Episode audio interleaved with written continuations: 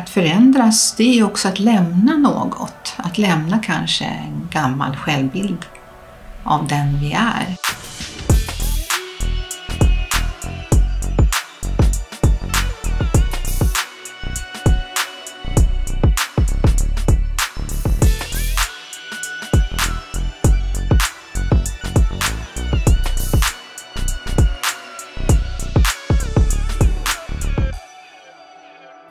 Som alltid är högaktuell är vad som händer inom oss vid en förändring. Kan en förändring leda till någonting bra som man kan dra lärdom av? Vad är egentligen en förändring? Och kan det faktiskt vara så att det leder till nya kreativa sätt att tänka och verka? Detta och mycket mera handlar Region Sörmlands HR-podd om i detta avsnitt när vi möter Monica Knutsen. Jag heter Katrin Najander och är HR-poddens redaktör och programledare. Och jag heter Kajsa Fisk och är HR-direktör här i Region Sörmland. Då vill vi börja med att veta mer om dig Monica. Vi vill eh, självklart att du berättar lite om kring vad du jobbar med. Jag jobbar ju som hälsoutvecklare här i Region Sörmland och det är väldigt mycket samtal.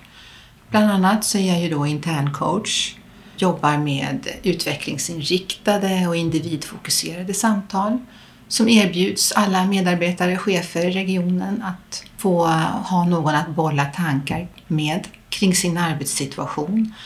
Det kan också vara kring ledarskap, det kan vara kring eh, levnadsvanor. Jag utbildar även regionens vårdpersonal i motiverande samtal. Och motiverande samtal är just en, en samtalsmodell som man använder för att underlätta förändringsprocesser. Vad är egentligen en förändring? Ja, men vi, vi är ju ständigt i rörelse. Eh, Vi, vi, det är ständigt en pågående förändringsprocess i oss och utanför oss. Livet är i rörelse, tänker jag. Man kan också prata om förändring som tillstånd, att vi går in och ut i olika tillstånd och som saknar egentligen en absolut början eller en given mitt eller ett absolut slut. Eh, inom oss har vi väldigt mycket tankar som flödar under dagen och tankar föder känslor, föder beteenden. Så vare sig vi vill eller inte så pågår det en förändring inom oss hela tiden. Och likadant i våra relationer. Det är ett samspel som pågår emellan oss som vi är mer eller mindre medvetna om och som påverkar oss. Och om man då tänker att vi alla individer i en organisation Tillsammans blir vi ett system och när det systemet kommunicerar med omvärlden så pågår en förändringsprocess även där. Och nu pratar jag om vardagliga förändringar som sker liksom en vanlig onsdagsförmiddag. Ja, vad skulle det kunna vara? Många har, tänker vi på saker som gärna skulle vilja ändra på i våra liv men som kanske inte kommer till stånd. Det kan ju vara allt ifrån att lägga om vår kost, kanske byta sömnrutiner så att vi börjar sova bättre. Det kan vara att vi kanske vi behöver lägga lite mer, mer tid på motion eller kanske mer tid på att träffa våra vänner. Och fast vi vet att vi behöver göra de här förändringarna så är det ändå någonting som tar emot och vi kommer inte igång. För att förändras, det är också att lämna något. Att lämna kanske en gammal självbild av den vi är. För det där är ju intressant som du säger att vi vet att vi, vi till och med vill, vi kanske har satt upp ett mål att förändra någonting. Men så gör vi inte det. Nej. Hur skulle du förklara det? Det kan vara olika saker. Dels så kan det ju vara att eh, det uppstår ett motstånd i oss. Vi vet att det krävs en ansträngning som kan vara obehaglig eller skrämmande, kanske. Eller den kan, vara, plåg- eller liksom, den kan påverka omgivningen. Vi har, omgivning kan ju också reagera när vi ska göra en förändring. Omgivningen vill ju gärna ha balans. Det ska se ut som det alltid har gjort. Och det kan bli en utmaning för oss också att gå in då i någonting nytt, gå in i det okända. Så det kan ju, men det kan också handla om ens eget bagage. Eh, har man gjort den här förändringen tidigare? Hur gick det? Kanske man misslyckades, tycker man. Har svårt att se att det skulle gå att göra om igen. Så det kan ju vara en brist på tillit kanske till sin egen förmåga. Man kanske tror att man inte har tillräckligt med kunskap. Man kanske känner att man inte orkar. Så det, om jag förstår det rätt, det är mycket känslor i omlopp så att man kan va, ha en rädsla att möta de här känslorna som kan uppstå i, i, med koppling till den här förändringen. Ja, ja men absolut. Och många gånger eh, är vi kanske inte så vana att umgås med våra känslor. Och speciellt inte de känslor som är påträngande och kanske lite uppmanande. Det finns också ett intressant begrepp som många förändringsarbetare är inspirerade av och det är förändringen av första och andra ordningen. Förändringen av första ordningen det är då när vi förändrar någonting inom systemet. Vi förnyar något. Vi kanske skriver ett nytt eh, policydokument eller köper in en ny maskin. Men vi fortsätter att tänka på samma sätt. Vi identifierar och löser problem på samma sätt. Men förändring av andra ordningen, det är när hela systemet förändras. Det kan vara en kris som slår sönder en illusion av hur organisationen fungerar. Eh, vi ser verkligheten i ett nytt ljus. Och då förändras också det organisatoriska tänkandet och agerandet. Och även ledarskapet tvingas att förändras. Och det tänker jag att eh, när tankemönster och verklighetsbeskrivningar förändras liknar lite kanske det vi har varit med om nu, pandemin. Just det. Kan man på något förenklat sätt beskriva vad som händer inom oss vid en förändring? Det finns en liten karta som vi använder oss utav i, när vi pratar om motiverande samtal till exempel. För det är så viktigt att veta var någonstans i förändringsfasen befinner sig en person. Och eh, då är det några psykologer som har gjort eh, en, eh, ett förändringshjul och i det förändringshjulet finns det olika tårtbitar. Och de här tårtbitarna är då olika faser i förändringsprocessen. Det kan vara icke-beredd, ambivalent, beredd och beredd att gå till handling. Och sen finns också den här fasen, vidmakthålla-fasen, den fasen där vi behöver ta hand om det vi har beslutat att vi håller på och förändrar.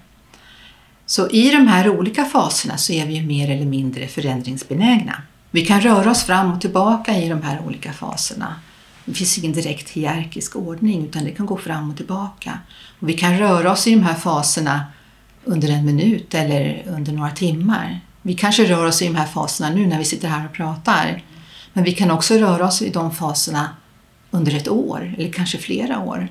Så att det handlar ju väldigt mycket om då att eh, i livet att lära sig och flytta sig mellan de här faserna på ett smidigt sätt. Kan du ge något eh, exempel på hur det skulle kunna se ut för en person?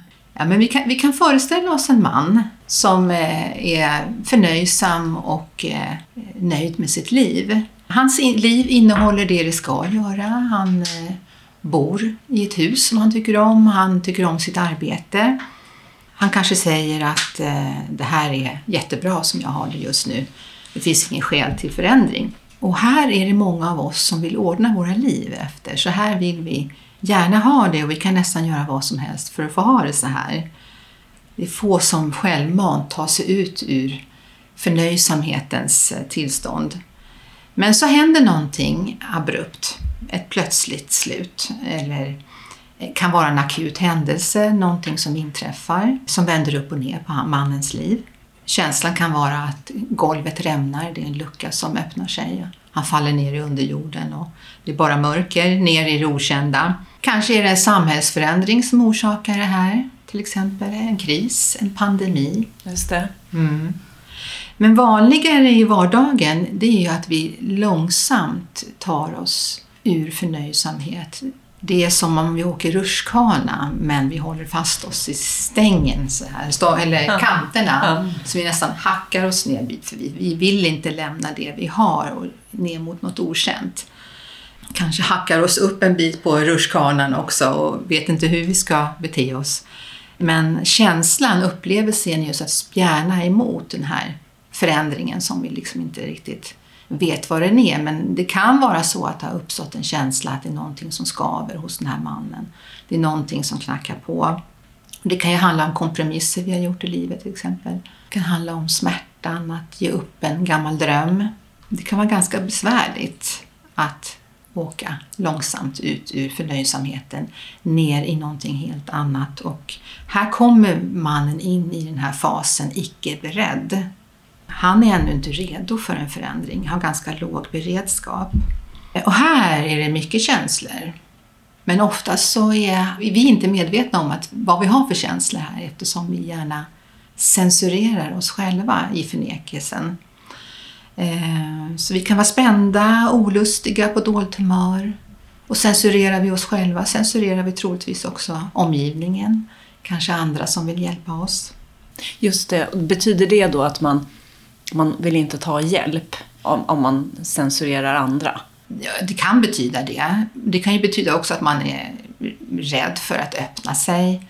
Men absolut, rädd för att ta emot hjälp, rädd för att höra någonting som känns att man inte vill höra. Just det, man stänger ner. Man stänger ner, ja precis. För att eh, rädslan för att prata, det kan ju vara att det bryter förnekelsen och då kommer andra känslor som ensamhet till exempel eller osäkerhet, kontaktsvårigheter, ett krav, måste göra någonting.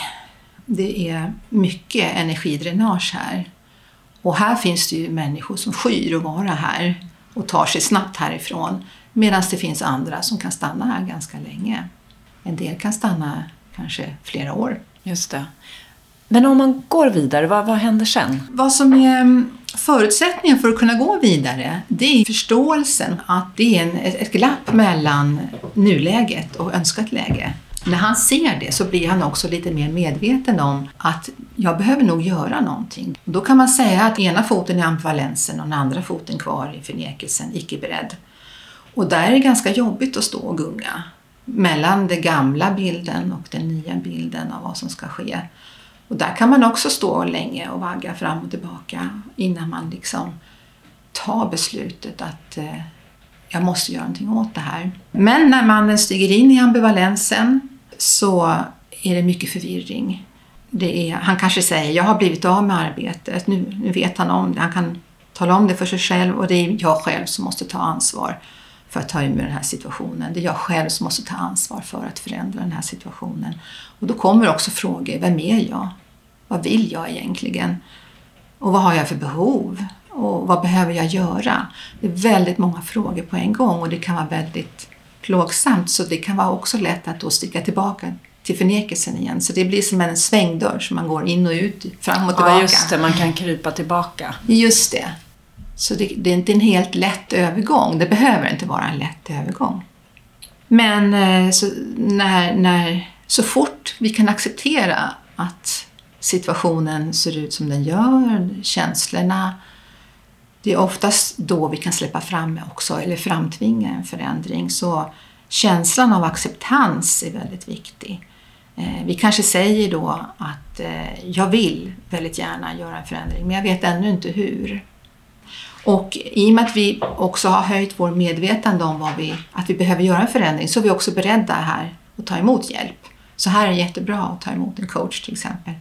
Det är där du kommer in då? Ja, precis. Kan komma in? Ja, ja där mm. kan jag komma mm. in. För jag, jag föreställer mig att det är ett vägval i den fasen. Att här får jag ja. ta någon slags beslut i någon riktning. Ja, och framförallt så tror jag att här i, här, i den här fasen så måste man ta ett beslut till slut. För om man är kvar för länge i förvirringen utan att ta beslut, vad händer då? Jag föreställer mig att man eh, inte mår bra, att det kostar på hälsan. Nästan. Och här kan ju många bli utmattade. Ja. Just för att det är svårt, svårt att ta beslutet. Och det är beslutet som tar oss vidare till fa nästa fas, beredd. Och man måste behöva stå ut så här, härbärgera alla sina känslor. Och det gör vi när vi på något vis accepterar att så här ser verkligheten ut. Så acceptans är nyckel för att gå vidare till nästa ja, fas, kan man säga så? Ja, det, det tror jag man, ja. det skulle man kunna säga. Mm. Acceptans mm. och beslut. Ja. Mm. Och när vi då går in i nästa fas, beredfasen, då är vi ganska självdrivande. Mannen blir väldigt självdrivande att genomföra sina förändringar. Men det kan, det kan också vara en tid av mycket kreativitet och skapande. Så vi blir väldigt inspirerade här. Vi lyssnar på vad andra säger. Vi tittar på möjligheter. Vi kanske både ska sälja huset och byta arbete och vi ska göra allting på en gång. Det blir väldigt mycket. Så den här fasen kan också vara ganska dränerande. Och här är det väldigt många som vill vara. Jaha, varför då? då? Just för den där kreativiteten, eller att man orkar ta itu med så mycket på en gång. Precis. Ja. Det är ju mycket energi här. Det är, Man är, har kontakt med andra, man är i kontakt med sig själv. Det är en förhöjd livskänsla. Man utvecklas, man får erbjudande, det händer saker plötsligt. Livet börjar rulla på, driver framåt. Så sista fasen, är det handling då? Är det, finns det en fas efter beredd? Eller? Ja, det skulle man ju kunna säga. Nästa fas är, för om du är för länge i, i jag tänker i det här beredda, att du bara ska göra saker i görandet, då så behöver du också börja prioritera. Vad är det som ska göras? Vad är det du ska satsa på? Fokusera, prioritera. För att kunna också gå in och tillbaka till den här platsen där du kan känna dig nöjd och förnöjd med dig själv och få vila. Så egentligen behöver vi behöver röra oss i de här olika faserna. Men vi behöver utveckla vårt förhållande till dem. Hur länge ska jag stanna i den här fasen? Och det är naturligtvis inte lätt att bestämma sig för beroende på vad det är för situation eller förändring vi är inne i. När du får kontakt med en person som du, jag misstänker att du gör någon slags kartbild över att se lite grann och kanske medvetenhetliggöra för den här personen också. Men hur jobbar du då med den här personen för att den ska kunna ta sig vidare i, i det här hjulet? Kan du ge något exempel på det? Nej, men ett sätt i ambivalensfasen eh, det är ju att utforska så att säga, både fördelar och nackdelar med eh, situationen, hur den ser ut nu. Vad är nackdelarna med att vara kvar här? Och vad är fördelarna med att vara kvar? Eller vad är fördelarna med att gå vidare? Hur kommer det sig att samma person i vissa situationer är väldigt stark och modig och för att i en annan situation känner sig väldigt svag och rädd? Vi handlar om samma person men helt olika känslor för olika situationer. Hur kan det komma sig? Ja, och för många av oss är ju här ett, ett, ett mysterium verkligen. Ena dagen är jag modig, nästa dag är jag liten och svag. Eller full av energi och nästa dag avstängd. Så vad är det som gör att det blir så här? Och då tänker jag att ett svar är ju att vi skulle kunna beskriva det som att i vår personlighet så har vi olika delar i oss, eller aspekter i oss som kan triggas igång i olika situationer. Och ibland kan vi själva bli väldigt förvånade när, när, vi, när vi gör det. Vi alla kanske känner någon som är väldigt omsorgsfull i sina relationer eh, men när han eller hon sitter i bilen så händer någonting och plötsligt blir personen väldigt otålmodig och arg på bilisterna runt omkring och hytter med näven och lägger i växeln och kör om hela kön. Och det händer någonting som nästan sker på automatik. Ja, och jag tänker spontant Monica också att det här är nog någonting som vi alla blivit väldigt medvetna om under pandemin. Ja. Eh, jag vet att min egen chef har ju uttryckt det som så att eh, under pandemin så har vi liksom sett det bästa och det sämsta av människan. Just det. Och det, jag tror att det är också lite, jag blir också glad när du beskriver det här, för det blir det här, ja just det, det är ju så vi är, vi människor. Ah. Och vi reagerar på så olika sätt. Och det har verkligen framkommit och vi hanterar kriser på olika Mm. sätt utifrån var vi kommer ifrån och vad vi kanske har med oss i, Ja. i erfarenhet sedan tidigare. Absolut. Ja. Och vi har många gånger en, en, eh, en hel orkester inom oss av såna här olika delar och aspekter. Och varje del har sitt känsloläge, sitt sätt att vara i kroppen eh, eller sitt sätt att tänka och eh, beroende på situationen och som bara kan triggas igång. Och eh, ibland när vi minst vill det så kan vi skicka iväg en del av de här aspekterna att göra jobbet åt oss för det kanske är helt fel. Det är viktigt att kunna vara mer eller mindre medvetna. Vad är det som jag går igång på? Vad är det som händer med mig i en sån här situation? Till exempel så kan ju en del kan ju ha superpresteraren i sig. Eh, och presteraren den är väldigt bra på att tänka, väldigt mentalt. Eh, har riktning och kraft i sitt arbete, kan vara väldigt effektiv och väldigt duktig i sitt jobb. Men när presteraren går på automatik och den hela tiden är igång så är ju risken att den också går igång i situationen där den kanske ska luta sig tillbaka lite och där vi får låta fram andra eh, sidor av oss själva komma fram. En annan del, del av oss kan vara hjälparen till exempel. En del av oss har en väldigt stark hjälpare. Vi, vi vill gärna ställa upp i alla läger, ta hand om andra, hjälpa andra. Vi anpassar oss efter andra för deras behov. Men kanske väldigt dåliga att hjälpa oss själva till exempel. Det kan ju vara baksidan på den delen. Inre kritiken pratar vi mycket om inom coachningen. Då kallas för inre sensorn. Vi har alla en liten inre kritiker som slår på oss när vi tycker att vi inte är tillräckligt bra. Och, eh, och om vi till, till och med om vi börjar liksom bli medvetna om kritiken och låter den liksom få vila lite så kan kritiken börja kritisera det, så att säga. Så vi kan kritisera vår egen kritiker. Så vi kan ha en hel orkester inom oss och om vi inte är medvetna om den så har vi heller ingen dirigent. Ibland om vi har olika delar som drar igång samtidigt så kan det också bli en dialog som säger olika saker inom oss. Vi upplever det som en inre konflikt. Och då kan det vara viktigt att lära sig att separera. Vem, vem är det i mig nu som hör det här? Och vem är det i mig som, som leder nu till exempel? Jag har med mig det här när jag coachar både medarbetare och chefer.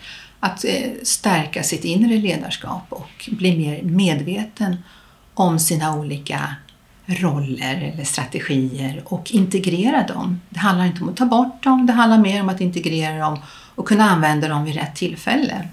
Blicka kan, inåt. Ja, precis. Kan det här påverka då, tänker vi, kring eh, vilka känslor vi upplever i en viss situation eller en viss förändring? För varje delpersonlighet då har ju sin, sitt känsloläge, sin, mm. sitt sätt att tänka på. Den är där av en anledning.